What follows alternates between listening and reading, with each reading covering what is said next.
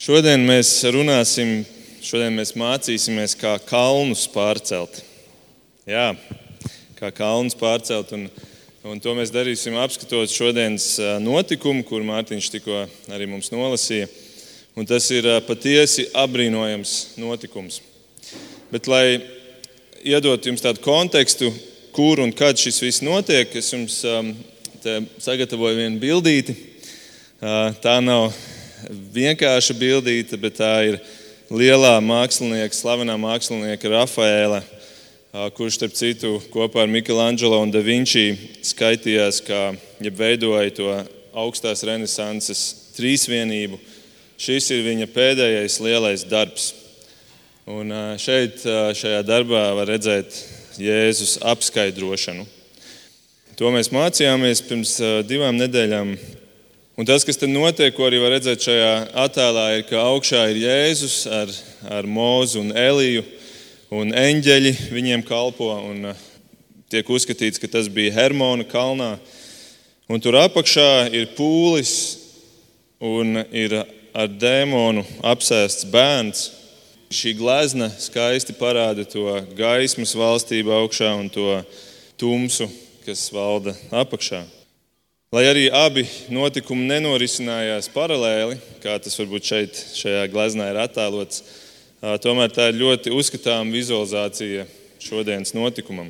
Jo tikko Jēzus bija kalnā kopā ar trīs mācekļiem, Pēteri, Jāekabu un Jāni, bet šodien viņi kāpj lejā un atgriežas pie pārējiem deviņiem mācekļiem. Un tur viņi sastopas ar pavisam citu realitāti nekā tas, ko viņi tikko bija piedzīvojuši. Un šo kontrastu labi apraksta teologs Alberts Bārns, tāpēc es viņu nolasīšu, jūs varat vienkārši paklausīties. Šis pūlis iespējams sastāvēja no personām, kuras sekoja Jēzus kalpošanai, no kurām daudz bija arī patiesi mācekļi. Kopā ar viņiem, kā Marks 9.14 mūs informē, bija arī rakstu mācītāji, kas ar tiem strīdējās. Tas ir, viņi iespējams izprašņāja viņus par šo glābēju, taču patiesībā cenšoties iestāstīt viņiem savu pašu viedokli un aizvilkt tos prom no Jēzus. Iespējams, viņi uzdeva viltīgus jautājumus par viņa dzimšanu, par viņa ģimeni, par viņa izskatu, ārējo tēlu, par viņa dzīvesveidu, par viņa mācību, kas visi bija pretrunā ar vispārējām expectācijām attiecībā uz gaidāmo mesiju. Un līdz ar to centās dot mājienus, ka šāda persona nevar būt Kristus. Cilvēki bija pārliecināti, ka viņš tomēr ir Kristus. Un te mēs redzam, ka maldi vienmēr ir smalki un bieži vien uzvelk miermīlīgas un godīgas iztaujāšanas masku. Pareizi viņš bija salīdzinājis viņus ar augu. Pūlis ieraudzījis Jēzu nākam lejā, pameta šos rakstu mācītājus un skrēja viņam pretī. Un viņi bija pārsteigti, ka viņš ierodas, jo viņi negaidīja viņu šeit sastapt. Citādi beigas. Šis notikums ir aprakstīts trijos evaņģēlijos, un viss vis tādā kuplākā veidā to apraksta tieši Marks. Dažas no tām detaļām, par kurām runā Marks, arī bija iekļauts šajā citātā. Tātad ar šo Jēzus sastopas, ar šo situāciju, nokāpjot lejā no šīs gaismas valstības atpakaļ tajā tumsā, tajos strīdos, tur, kur ir sātana uzbrukumi no godības atpakaļ grūtībās, no dievišķās vidas atpakaļ grēcīgajām. Un šodienas notikumu es vēlos iedalīt trīs daļās, kas veidojas tīri dabiski, jo pirmā daļa runā par problēmu. Tā atklāja, kāda ir šeit problēma šajā situācijā. Otrā daļa runā par risinājumu, un trešā ir mācība. Tātad problēma 14. pantā mēs lasām, kad viņi aizgāja pie ļaudīm, Jēzum pienāca klāt kāds cilvēks, metās viņu priekšā ceļos un sacīja: Kungs, apžēlojies par manu dēlu, jo viņš mokās ar mēnesi sērdzību un smagi cieš. Viņš bieži krīt ugunī un bieži ūdenī. Tātad papildus šai rakstu mācītāju radītajai problēmai, viņu uzbrukumiem, viņu uzbrukumiem šaubu sēšanai, maldu mācīšanai, šiem strīdiem. Papildus tam visam mēs redzam, šeit ir vēl viena lielāka problēma. Tēvs ir pienesis Jēzus priekšā savu dēlu, savu slimo dēlu. Un situācija ir patiesi dramatiska. Lūk, kāds ir stāvoklis šim zēnam. Te ir rakstīts, viņš ir mēnesis sēdzīgs. Tas, ko mūsdienās teiktu par šo mēnesi sēdzību, ir, ka tā drīzāk ir tā tāda epilepsija, jeb krītamā kaita, kombinācijā ar, ar garīgām, psihiskām problēmām. Viņš bieži krītot ugunī, Izrēlā bija pilns ar atklātiem ugunskuriem. Viņš bieži krīt ūdenī, dīķos, ezeros, upēs. Marks saka, ka viņš ir mēms. Jēzus pēc tam atklāja, ka viņš ir arī kurls. Marks saka vēl, ka viņš krīt lēkmēs, un šīs lēkmes viņu rausta, viņam dzēn putas pa muti, viņš sāk griezt zobus, un viņš sastingst uz, uz kādiem brīžiem. Un tad Lūka vēl apraksta, ka viņš arī mēdz pēkšņi sākt kliegt. Un tas vārds, kas ir lietots kliegšanā, ir krazēji ko varbūt varētu salīdzināt ar vārdu crazy angļuiski. Viņš sāk kliegt visādas neiedomājamas lietas, lamāties. Un, un Lūka vēl piebilst, ka tas viss, šīs lēkmes beidzās tikai tad, šis gars tikai tad liek viņu mierā, kad viņš ir galīgi novārdzinājis viņu. Un ir grūti iedot tādu vienu diagnozi šai slimībai, jo te ir daudz kas kopā. Un tāpēc arī Lūka kā mediķis, Lūka bija, bija ārsts, un tādēļ viņš arī kā vienīgais no šiem trim autoriem nesaka, kas bija šim puisim. Viņš nesaka, ka viņš bija mēnescēdzīgs, viņš tikai apraksta simptomus. Kā jau ārsts, acīm redzot, saprotot, ka tur ir kaut kas, kaut kas lielāks. Nu, lūk, un, un kas vēl padara to visu trakāku, ir, ka tas tēvs saka, ka šis mans dēls tāds ir jau no pašas bērnības jau gadiem ilgi. Un vēl viņš saka, ka viņš ir mans vienīgais dēls. Un es domāju, Jēzus spēja sajust šī tēva sāpes, jo arī Jēzus ir vienīgais vienpiedzimušais dēls savam tēvam. Bet visiem šiem šajā situācijā, visiem iesaistītiem ir skaidrs, ka tā nav vienkārša fiziska slimība. Visi trīs autori saka, ka šajā zēnā bija kāds gars, kāds dēmons. Un te mēs nonākam pie nākamās problēmas. Un tā problēma visā šajā jau tā tumšajā bildē ir tā, ka šis tēvs bija nesis savu dēlu pie šiem deviņiem mācekļiem, bet viņi nebija spējīgi viņus dziedināt. Viņu dziedināt. 16. pantā viņš saka, ka Es viņu atvedu pie taviem mācekļiem, bet tie viņu nespēja, nespēja dziedināt. Tā kā mēs redzam šo vārdu nespēja, tad eh, iespējams mums tā doma uz, uzreiz ir, ka nu, viņi, viņiem nebija spējas. Viņiem nebija spējas dziedināt, viņiem nebija spēka, varas to izdarīt. Bet tā nav taisnība šajā gadījumā. Jo septiņas nodaļas atpakaļ Jēzus visiem 12 mācekļiem bija devis spēju, un konkrēti tur bija rakstīts gan dziedināt, gan dēmonus izdzīt. Un viņš ne tikai bija devis viņiem spēku, apveltījis ar šo spēku, bet viņš bija devis viņiem pavēli to darīt. Tad viņi šī zēna priekšā bija nākuši ar spēku un ar pavēli dziedināt. Maza piebilde mums draudzēji nav dota pavēle izdzīt dēmonus. Nevienā vietā Bībelē mums nav teikts, draudzē, ejiet un cīnieties ar ļauniem gariem, izdzenot viņus. Mums ir dota cita pavēle, un pie tās mēs vēlāk atgriezīsimies. Bet viņi bija saņēmuši šo pavēlu un spēku, un, un jau citviet mēs lasām Bībelē, ka viņi jau bija izdzinuši dēmonus. Tad kādēļ, kādēļ šī problēma, kādēļ viņi nespēja to darīt šeit? Tagad jums ir jādomā ar mani. Ja ir dota spēja, ir dota pavēle, tad tas ir Dieva prāts. Tad kas ir tas vienīgais šķērslis, kādēļ tu to nevari izdarīt, ja nespēji izdarīt? Jēzus saka, neticība. Ka tu netici, ka tev ir šī spēja, ka tu sāc šaubīties, ka tev ir dota šī spēja, ka tu esi aprīkots ar to, ko, ko Dievs tev ir devis.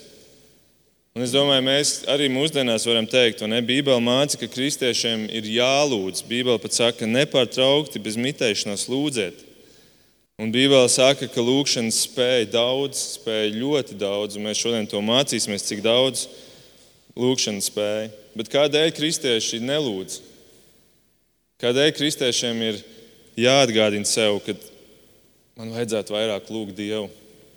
Mēs tad dziedājām dziesmu, ka Dievs gaida, ka mēs runāsimies ar viņu.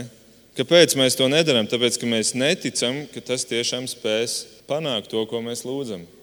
Mēs līdz galam neticam. Un līdzīgi šeit šie mācekļi, šie deviņi mācekļi, viņi nespēja dziedināt. Ja es saku, tāpēc, ka viņi neticēja tam, ka to ir spējīgi izdarīt. Bet, ja mēs runājam par šo neticību, tad patiesībā šo neticību, jeb masticību, mēs redzam daudz plašākā mērogā. Ne tikai deviņiem mācekļiem tā bija problēma. Paskatieties uz tēvu. Arī tēvs nebija gluži apbruņojies ticībā. Matejs to mums nepasaka, bet Marks raksta šādus divus pānus. Paklausieties. Tas tēvs atnāk pie Jēzus un saka: Es tevi lūdzu, ja tu ko spēj, iežēlojies par mani. Ja tu ko spēj, iežēlojies par mani. Jēzus sacīja, ja spēj, ja spēj, Dažreiz, um, tā, kad mēs lasām intervijas, tad, tad tur ir uh, cilvēka, cilvēka atbildes uzrakstīts, un tad kādreiz iekavās ir ierakstīts, viņš iepauzēja vai viņš smaida. Es domāju, ka šeit Bībelē varētu mierīgi aiz tā, ja spēja ielikt kādu iekavu un uzrakstīt kādas jēzus, tajā brīdī varēja būt emocijas. Iespējams, viņš iesmējās skaļi. Ja spēja nopietni, nopietni, tu Jēzum tikko pateici, ja tu ko spēji, Tas izklausās pēc tādas provokācijas. Nu, ja tu ko spēj, nu, tad parādi tagad to. Tu te daudz runā, tagad parādi, ka tu ko spēj. Vai arī kā tad, kad Jēzus karājās jau pie krusta, Golgātā, kad garām gājēji ņirgājās par viņu un teica, nu, ja tu esi tas, par ko tu sevi sludini, tad kā plējā. Ja tu ko spēj, tad tagad dziedini man dēlu. Un, ziniet, un es tad, godīgi sakot, vairs nebrīnos par nākamo pāntu, 17. kur ir rakstīts, Jēzus uz to atbildēja, atkal Mateja evaņģēlijā. Jēzus to atbildēja, ak, tu neticīgā un samaitātā paudze. Cik ilgi es vēl būšu pie jums, cik ilgi es jūs vēl pacietīšu? Vārdi, kur varbūt sākumā skan tik cietsirdīgi no Jēzus puses, kā Jēzus to var tā teikt? Cik ilgi es jūs vēl pacietīšu, cilvēki? Bet es ceru, ka tagad varbūt šie vārdi izklausās jums mazliet citādāk nekā pirmo reizi lasot. Samaitātā paudze. Angliski vārdam samaitāt parasti lieto perversā. Un perverse nozīmē, pēc tās nozīmes, tas ir, ka tu esi novirzījis savu skatu prom no tā, uz ko tev vajadzētu skatīties. No tā pareizā mērķa. Vai šie cilvēki nebija perversi? pagriezuši skatu prom no īstā. Kādi bija šie cilvēki? Paskatieties, pirmkārt, pūlis. Pūlis seko, tāpēc ka galvenokārt grib redzēt no Jēzus brīnums. Un šodien tāpat. Šodien mūsdienās vispopulārākā, visātrāk augošā konfesija tāda, kura meklē šīs ārējās sajūtas, un, un cilvēkiem patīk tas. Cilvēki iet uz konfesijām, kurās viņi saņem šīs emocijas un izjūtas, kurās viņi var redzēt šādus brīnumus. Bet mēs arī citur redzam, ka Jēzus saka, šis pūlis netic pa īstam. Viņš nāk tikai tāpēc, lai redzētu zīmes. Un šādi cilvēki netic Dievam pa īstam, bet viņi tic drīzāk savam sajūtu Dievam. Viņiem vajag visu laiku kādas sajūtas, kādas emocijas, un, un tikai tad viņi jūt, ka tas ir Dievs, kurš darbojas. Tāds bija arī šis pūlis, noteikti liela daļa. Otrā grupa rakstu mācītāji, viņi meklē ieganstu, lai piesietos Jēzum, un, un mēs pat lasām vēlāk, kad, lai nokautu viņu. Un gan jau viņi priecājās, ka šie deviņi mācekļi nespēja dziedināt šo bērnu. Tas viņiem bija tik izdevīgi, un, un, un viņiem noteikti bija prieks par to.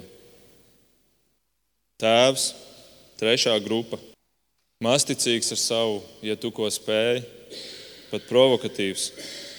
Un tad ceturtā grupa paši mācekļi, nobijušies un izšaubīti un masticīgi. Kaut arī viņi bija aprīkoti ar visu, kas viņiem bija vajadzīgs, ar šo spēju dziedināt. Un viņi bija tik daudz redzējuši, ko Jēzus jau ir darījis. Un, kad mēs paskatāmies uz šīm četrām grupām, vai, vai nekļūst Jēzus žēl? Un, protams, mēs šodien arī esam tādi paši. Un, ziniet, visi cilvēci ir tādi bijusi visus gadsimtus. Un, un tad man liekas, ka mēs uz to paskatāmies, cik liela parādās Dieva mīlestība. Ar šādiem cilvēkiem Dievs ņemās, ar šādu perversu, samaitātu paudzi. Cik milzīga ir viņa pacietība. Un Jēzum šis bija liels kontrasts, nopietns kontrasts. Tikko augšā kalnā viņam eņģeļi bija kalpojuši. Tikko eņģeļi viņam kalpoja, un tagad viņš nonāk lejā, un viņam ir jākalpo samaitātiem un perversiem cilvēkiem. Cik ilgi es jūs vēl pacietīšu? Visa viņa dzīve bija kalpošana perversai paudzei. Tas varbūt izskaidro, kāpēc Dievs Jēzum deva tikai 33 gadus. Varbūt Jēzus cilvēciskā puse nebūtu izturējusi nemaz ilgāk. Bet Jēzus šo dziļdomīgo 17. pāntu pabeidz ar šādu teikumu: Nesiet viņu šurp pie manis. Kāds labs pagrieziena punkts. Un, ziniet, ja es tā domāju par šo teikumu, man liekas, tikko viņš runāja par samaitātu paudzi, un tagad viņš saka viņu. Un faktiski no visiem iesaistītajiem No visiem klātesošiem tikai viens nebija samaitāts. Slimais zēns. Vai tas nav ironiski? Slimais zēns bija vienīgais, kurš, par kuru nevarēja teikt, ka viņam bija masticība vai kas cits. Viņam nebija nemaz spējis to parādīt. Vai tas nav ironiski? Un tādēļ es ticu šī zēna dēļ, Jēzus sauc viņu šurp, un tā nu mēs nonākam pie mūsu otrās daļas, pie risinājuma. 18. pants. Jēzus apsauca dēmonu, un tas izgāja no zēna. Viņš kļuva vesels tajā pašā brīdī, vai kā citos teikts, tajā pašā stundā. Stundas rādītājs vēl nebija pārgājis uz nākamo stundu, un zēns bija dzīves un vesels. Mēs varam teikt, wow, pēc visiem šiem moku gadiem, kas šim tēvam bija jāpiedzīvo un jāizdzīvo, vienā brīdī viss beidzies. Vienā brīdī, un Marks 9, Marka 9 ir aprakstīts, ko Jēzus teica šajā brīdī, kad notika šī dziedināšana. Viņš teica šim garam, tu mēmais un kurlais gars, es tev pavēlu, izēj no viņa un nekad, nekad vairs neieej atpakaļ. Nekad vairs neatgriezies. Un, ziniet, šī pati pavēle, nekad vairs neatgriezties ļauniem garam, šī pati pavēle atskan tad, kad cilvēks piedzimst no augšas. Tad, kad cilvēks tiek garīgi dziedināts, dieva dziedināts, katru reizi šī pavēle atskan. Jo, kad svētais gars ienāk cilvēkā, tad tas pavēle iziet visiem ļaunajiem gariem. Abiem nav vietas cilvēkā, un tāpēc es ticu, ka nevienā kristietī nevar būt dēmoni, nevar būt ļaunie gari. Nevienam patiesi atgrieztam kristietim nevar būt vairs dēmoni. Marks apraksta, ka pirms iziešanas dēmons atpazina Jēzu, un viņš sāka trakot, un šis, šis bērns krita gar zemi un vārtījās. Un, un tad Jēzus dara, dod šo pavēli, un šis dēmons paklausa, iziet un aiziet.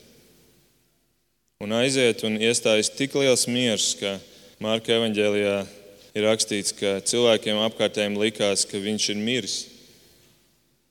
Tik liels kontrasts, tikko vēl vārtījās, putoja mute, un, un tagad ir miers. Un, un cilvēki domā, ka viņš varbūt pat ir miris. Bet, ja es paņemu viņu roku, pieceļu augšā, viņš ir sveiks un vesels. Un tad man ir jādomā, vai nav apbrīnojami, ka šajā pilnīgi atšķirīgajā demonu pasaulē, šajā, šajā garu pasaulē, kurā mēs negribam ielūkoties un cilvēkam nav domāta viņa Tā ir tik baisa, ka tur nevajag ielūkoties, nevajag sasaistīties ar to. Ka šajā pasaulē dēmoni paklausa Jēzus pavēlēm. Un mēs, kristieši, turpretī dzīvojot šajā skaistajā, Dieva dotajā gaismas valstībā, mēs tik bieži atsakāmies to darīt. Tik bieži atsakāmies klausīt, tad, kad Jēzus mums saka. Arī to dienu mācekļi neklausīja Jēzus pavēlēju. Viņi nebija izdzinuši šo dēmonu. Viņi nespēja. Un tādēļ tagad viņi vēlās uzzināt, kādēļ Jēzu. Kas bija tas iemesls? Un tā nu pēc problēmas nāk risinājums, un pēc risinājuma nāk mācība. Mācības stunda. 19. pāns. Tad mācekļi pienāca pie Jēzus atsevišķi, ievērojiet, atsevišķi, un jautāja, kādēļ mēs to nespējām izdzīt. Šis vārds atsevišķi liecina, manuprāt, par to, ka viņiem iespējams bija kauns. Viņi negribēja pūļi priekšā iet un sākt šo jautājumu pacelt. Viņi gaidīja, kamēr viņi varēja pa vienam pieiet pie Jēzus. Un Mārka evanģēlijā ir pateikts, ka viņi sagaidīja, ka viņi bija iegājuši mājā. Tātad viņi ir nonākuši mājā, prom no pūļa. Un tagad viņi uzdod, katrs pieiet pie Jēzus un uzdod šo jautājumu atsevišķi. Un Jēzus viņiem atbild 20. pantā. Savas masticības dēļ es jums saku patiesi, ja jums ticība ir kā sinepju graudiņš, jūs sacīsiet šim kalnam, pārcelēs no šejienes uz turieni, un tas pārcelsies. Un tad seko šis 21. pāns, kurš nav Mateja evanģēlijā jaunajos tulkojumos iekļauts, tāpēc ka viņš vecākajos manuskriptos nav, nefigurē tur, bet viņš ir paņemts, kāds viņu ir pievienojis no Marka evanģēlija pēdējā panta, precīzi pārcēlis un ielicis arī šeit. Un tas skan tā, bet šī suga nevar iziet citādi kā vien ar lūgšanu, un dažos manuskriptos ir teikts, un gavēšanu. Šī suga nevar iziet citādi kā vien ar lūgšanu un gavēšanu. Tātad, kāpēc mēs nespējām viņu izdzīt? Jēzum tiek uzdots jautājums. Un Jēzus atbild ir skaidra. Masticība, draugi, masticība. Un nākamajam jautājumam no mācekļa puses vajadzēja būt, kas tad ir šī masticība? Tur runā par masticību, bet kas viņa tāda ir? Bet tā kā viņi neuzdeva šo jautājumu, vismaz nav pierakstīts, tad viņiem atlika vien atgriezties pagātnē, atmiņā, atgriezties pie tām reizēm, kad Jēzus teica, ka viņi ir masticīgi, jo šī ir piektā reize Mateja evaņģēlijā, kad Jēzus viņus nosauc par masticīgiem. Paklausieties, es jums nolasīšu pārējās četras reizes. Mateja 6. Kalnu svētdienā. Ja nu Dievs pļavas zāli, kas šodien ir, bet rīt tiek iemesta krāsnī, tā ģērbja, cik gan daudz vairāk jūs, jūs masticīgie. Divas nodaļas tālāk ir vētra, un Jēzus saka viņiem, Kādēļ jūs esat tik bailīgi, jūs masticīgie? Tad piecēlies Jēzus, apsauca vējus un jūru un iestājās liels klusums. Mātei 14. Pēters izkāps no laivas un skatās uz apkārtējiem ūdeņiem un sāk grimt. Tūdaļ roku izstieps Jēzus, viņu satvēra un viņam sacīja: Masticīgais, kādēļ tu šaubies? Un ceturtā vieta, Matei 16 pēc tam, kad mācekļi piedzīvojuši 5000 cilvēku paēdināšanu un pēc tam vēl 4000 vīru paēdināšanu, viņiem ir saruna laivā un Jēzus viņiem jautā, kādēļ jūs masticīgie spriežat, ka jums nav maizes? Par ko runā šīs piecas raksturvietas attiecībā uz masticību? Mateja 6. Kalnu svētdienā runa ir par apģērbu, runa ir par materiālo dzīvi. Un varētu uzdot jautājumu, kādēļ tu uztraucies? Tu domā, ka Dievs neredz tavu situāciju. Tu netici, ka Dievs spēj tevi uzturēt. Mateja 8 ir vētra, tā ir kā tādas dzīves vētras, kurās mēs esam. Mēs varam jautāt, kādēļ tu uztraucies? Tu domā, ka Dievs guļ? Tu domā, ka Dievs nespēja tevi izvest ārā no vētras? Mateja 14 ir Pēterim šaubas, viņš redz tos ūdeņus apkārt, tos apstākļus. Mēs varam uzdot jautājumu, kādēļ tu uztraucies? Tu domā, ka Dievs ir pārāk vājš, lai tevi izvilktu. Tu netici, ka Dievs spēja pietiekami ātri noreaģēt, lai sagrābtu tavu roku. Mateja 16. garīgā mācība, šī maize. Tu uztraucies, ka Dievs tevi nepabaros, Tu netici, ka Dieva vārds spēj tev dot visu, kas ir vajadzīgs tavam garam, lai tu būtu stiprs. Tev tiešām ir jāmeklē citur. Un Mateja 17. šī dziedināšana šajā notikumā. Tu netici, ka Dievs spēj dziedināt. Lūk, visiem šiem pieciem gadījumiem, šiem pieciem aprakstiem ir viena kopīga pazīme. Un tā pazīme ir, ka visās šajās situācijās šiem mācekļiem kaut kā pietrūka. Pirmajā vietā Mateja 6 ir runa par apģērbu. Tev pietrūkst materiālā, tev ir varbūt finansiāls problēmas, tev pietrūkst. Nākamajā vietā ir, ir vētra, tev, tev trūkst miera, kurš pēc tam atnāk, tas klusums, tie mierīgie laikapstākļi. Trešajā vietā tev trūkst acu skatiens ar jēzu, un tāpēc tu sāc grimt. Ceturtajā vietā tev trūkst garīgās maizes, un piektajā šodienas vietā tev trūkst šī atvesļošanās, dziedināšana, veselība. Un, ziniet, un tad, kad kaut kas cilvēkam trūkst, tad atklājās, cik tev ir liela ticība. Ne? Tagad tev ir pilnas rokas, tikmēr jau tev nav vajadzīga ticība. Tikmēr tev pietiek ar masticību. Tu pat vari teikt, ka Dievs ir labs un varants, bet tas neko daudz nenozīmē, kamēr tu neesi varējis pierādīt ar tiem apstākļiem apkārt, kur tev kaut kā trūkst. Tad, kad tev rokas ir pustukšas, tad ir vajadzīga ticība, lielā ticība, īstā ticība. Varbūt tev arī šajā dzīves posmā kaut kā pietrūkst. Droši vien Dievs pārbauda tavu ticību. Šis ir svarīgs brīdis tavā dzīvē. Svarīgs brīdis. Un Jēzus šajā brīdī, šeit mūsu tekstā, sāk gatavot mācekļus laikam, kad viņa vairs nebūs fiziski blakus viņiem. Līdz šim Jēzus visu viņiem iedeva Ha, tev ir vētra, apklusinam. Tev vajag dziedināšanu, es to izdarīšu tavā vietā. Trūkst maizes, nāc reku, zīves divas un piecas maizes, un mēs visu atrisināsim. Viss atrisinās. Mācekļiem visu laiku tiek piepildīts rokas, viņi saņem un viņiem ir pilnas. Bet pienāks diena, mācekļi, kad ar šo masticību tu vairs netiks cauri. Jo pienāks diena, kad Jēzus vairs nebūs fiziski blakus. Un zini, un vēl vairāk pienāks diena pēc tam vēl tālākā nākotnē, kad jums mācekļi vairs nebūs šo spēju fiziski dziedināt cilvēkus. Un to mēs redzam, ka apstuļiem beidzās spējas, kad mēs paskatāmies jaunās derības chronoloģiju. Pat viņiem beidzās spēja dziedināt cilvēkus. Un tad paliks tā viena lieta, kur ir visas šodienas mācības centrā Tā viena lieta, kura pietrūk šiem deviņiem mācekļiem, ja viņi būtu šo lietu ņēmuši rokās un pielietojuši, viņi būtu dziedinājuši šo zēnu. Tā viena lieta, kur nošķir masticību no lielās ticības. Kas ir šī lieta? Kas ir šī lieta, Jēzus mācekļi, 21. gadsimta mācekļi? Pareizi, mūsu mistiskais, paslēptais 21. pants. Atbilde ir lūkšana. Lūkšana. Jēzus saka mācekļiem, ka masticība šeit atklājas caur to, ka jūs nelūdzāt.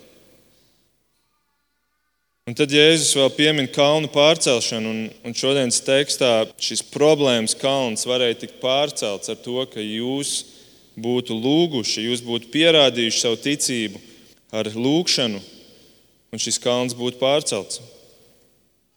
Jebkuru kalnu ir iespējams pārcelt. Jebkuru kalnu ir iespējams pārcelt, ja tev ir ticība. Bet tava ticība atklāsies tajā, cik tu esi liels lūdzējs. Es gribu pieminēt, ka mēs nedrīkstam sagrozīt Jēzus šos vārdus, kur viņš saka, nekas jums nebūs neiespējams. Mūsdienās šo, šo pantu rauj uz visām pusēm, un, un, un, un visi dziedinātāji, TV dziedinātāji saka, nekas nebūs neiespējams, tikai tici. Nē, mums ir jāņem visa Bībele kopumā, un Bībele saka, ka tas, kas ir saskaņā ar Dieva gribu, tas nebūs neiespējams. Kā piemēram Jāņa 14, kur Jēzus saka, ko vien jūs manā vārdā lūgsiet, to es darīšu, lai ne jau visu, ko jūs lūgsiet manā vārdā, es darīšu bet lai tēvs tiktu pagodināts dēlā. Tas, kas ir saskaņā ar Dieva gribu, to es darīšu, un jums nekas nebūs neiespējams. Ziniet, jūdu kultūrā bija, bija tāds teiciens, jeb apzīmējums cilvēku, kurš spēja pārvarēt lielas grūtības. Viņu sauca par kalnu izracēju, kalnu izracēju vai kalnu izsakņotāju. Un te bija Protams, ne runas par fiziskiem kalniem, kaut arī ticībā tas ir arī iespējams. Bet te ir runa par pārbaudījumu kalniem. Te ir runa par garīgiem pārbaudījumu kalniem. Un kalnu pārcelšanu Jēzus neapsola masticīgiem. Viņš to apsola tiem, kuriem ticība ir. Un kaut vai tik maza kā sinepju graudiņš. Kad es lasīju šo tekstu, viena no tādām pārsteidzošām pazīmēm bija tā, ka šeit ir minēts sinepju graudiņš. Mēs varam uzdot jautājumu, vai tad sinepju graudiņš nav mazs?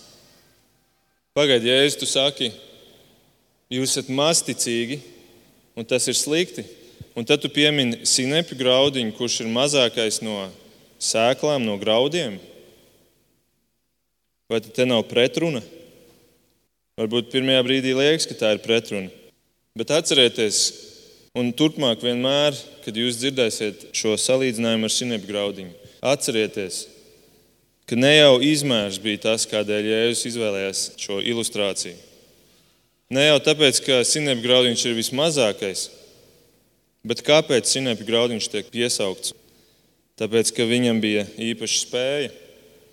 Viņam bija spēja izaugt no mazākā līdz lielākajam. Viņam bija spēja augt, un tā ir tā atslēga šai ticībai - augt. Šī ticība, ja tev ir īstā, patiesā ticība, viņa vienmēr būs augoša. Patiesā ticība aug, varbūt lēnām, tā kā sinepju graudiņš lēnām nāk ārā, bet tomēr aug un aug pastāvīgi un aug liels. Tātad patiesā ticība ir tāda, kur cilvēks lūdz, un, ja vajag, viņš lūdz ilgi, un viņš lūdz neatlaidīgi. Un pat ja viņš nesaņem, viņš turpina ticēt. Lūk, 18. Jēzus stāsta kādu līdzību par tiesnesi un atraitni. Ir atraitne, kur atnāk pie šī tiesneša un lūdz iztiesāt viņas lietu, bet tiesnesis viņai atsaka. Un viņi turpina lūgt tik ilgi, līdz, līdz beigās tiesnesis ir nomocīts, nokaitināts. Un viņš saka, nu labi, tādēļ, lai tiktu vaļā no šīs atraitnes, es, es iztiesāšu viņas lietu. Un tad Jēzus saka 7. pantā. Vai tad Dievs, lai neiztiesātu par saviem izredzētajiem, kas viņu piesauc dienu un nakti? Vai viņš vilcināsies? Es jums saku, viņš viņu lietu iztiesās ātri. Bet ir viens bet. Vai cilvēka dēls atnācis, atradīs uz zemes ticību? Netaisnais tiesnesis piekrita, lai tiktu vaļā no atraitnes, bet labais debesu tēvs piekritīs, jo mēs esam viņa bērni. Tomēr Jēzum ir jautājums, vai mēs vispār ticam? Jo tikai tie, kuri tiešām tic, arī spēja neatlaidīgi lūgt. Tas ir pilnīgi, pilnīgi loģiski. Tas, kurš tic, ka viņš saņems, tas arī turpinās lūgt. Tas, kurš netic, tas vienreiz, divreiz formāli pateiks to lūgšanu un aizmirsīs un dosies citās lietās, kurām viņš tic. Un tā nu šie deviņi mācekļi nelūdz neatlaidīgi. Viņi iespējams vienreiz, otrais pamēģināja dziedināt šo zēnu, nesanāca. Nu, labi, laikam šoreiz nebūs. Apkārt vēl ir rakstu mācītāji, kuri iesmēja par viņiem. Iespējams. Saka, ka, nu, redz, šitam jau kļūst redzams, ka tas Jēzus jau nav nekāds mesija. Jūs jau uz neko nesat spējīgi. Bet, ja viņi būtu pa īstam ticējuši, viņi būtu turpinājuši lūgt. Viņi būtu varbūt ne tikai likuši rokas virsū, bet viņi būtu lūguši Dievu, piesaukuši Dievu. Un kaut arī viņu Jēzus nav šeit blakus, tomēr Dievs būtu dziedinājis šo zēnu. Tā mēs varam secināt no Jēzus atbildes. Un šis kalns būtu bijis pārcelts. Tātad lūkšanas spēks, paklausieties, lūkšanas spēks ir lielāks nekā 12 mācekļiem dotais fiziskais spēks dziedināt. Mums liekas, mācekļi, wow, jums bija spēja to darīt. Bet šeit mēs redzam, ka šī spēja pat kaut kur beidzās un ir vajadzīgs lūkšanas. Lūkšanas spēks ir lielāks nekā šīs fiziskās dziedināšanas spējas, kas tika dotas 12 mācekļiem. Un tāpēc lietosim šo spēku, lai mēs arī ticībā pārceltu kalnus. Es jau teicu, sākumā mums draudzē nav dota pavēle izdzīt dēmonus. Un es ticu, ka arī vairs nav pieejams gara dāvans dziedināšanai caur vienu cilvēku, kad vienam cilvēkam ir dots šī spēja. Nē, tā vietā ir cita pavēle un spēja draudzēji. Draudzēji jāizdzen dēmoni, un draudzēji ir jādziedina caur lūgšanām. Un tas vairs nav viens cilvēks, kurš to dara, bet tā ir draudzene, kur nāk kopā, kur nāk kopā lūgšanās. Draudzē ir pavēlēts lūgt, lai nestu dziedināšanu, bet mums vienmēr ir jāatcerās, un to es gribu beigās pieminēt, ka, ka Jēzus nāca nevis primāri, lai dziedinātu cilvēku fiziski, bet arī šim zēnam vairāk nekā fiziskā dziedināšana bija vajadzīga garīgā. Un to ļoti skaisti viens teologs, Johans Albrechts Bengels, ir pateicis, un ar šo es arī vēlos noslēgt ar citātu. No šī top skaidrs, ka kalna transportēšana ir mazāks brīnums nekā tekstā minētās sugas vēlna izdzīšana. Jo šāds vēlns daudz ciešāk ir pieķēries cilvēkam garīgi nekā kalns tā saknēm fiziski. Un ticība, īsta ticība, pat vismazākā, ir spēcīgāka par kalna stiprinājumiem. Lūksim Dievu! Debes Tēvs, paldies, Kungs, par Tavu vārdu. Un, Jēzu, paldies, ka Tu katru reizi, kad mēs lasām šos notikumus, ka Tu tik daudz esi mācījis arī caur to, ko Tu varbūt nepasaki vārdiem, bet ko Tu dari. Paldies, ka Tu biji tik pacietīgs. Paldies, ka Tu mūsu cilvēkus tik ļoti mīlēji, kaut arī mēs bijām. Un joprojām arī 21. gadsimtā esam samaitāta paudze. Paldies, ka Tu tomēr nāc un un joprojām neesi vienaldzīgs par mums. Paldies, Kungs, ka Tu par saviem izredzētajiem iztiesā lietas, ka Tu uzklausi, ka Tu atbildi. Paldies, ka Tu reizēm pārbaudi ilgāku laiku klusējot. Bet es lūdzu, ka mēs kā draugi spētu arī turpināt iestāties šajā cīņā. Ja kāds no mums ir padavies lūgšanās, tad mēs varētu atjaunoties un ar jaunu ticību to darīt lūgt par ne tikai mūsu dziedināšanām fiziski, bet lūgt arī par cilvēkiem mums apkārt, kuriem ir vajadzīga garīgā dziedināšana. Un varbūt tas prasītu gadus, varbūt tas prasa visu dzīvi, bet mēs varētu lūgt par viņiem, iestāties par viņiem un ticēt, ka tu kādu dienu arī atvērs viņiem sirdis uz tavu labo vēsti. Paldies, Tev, Kungs, un lūdzu svētī mūs katru arī pārdomājot šo vārdu. To mēs lūdzam Jēzus vārdā.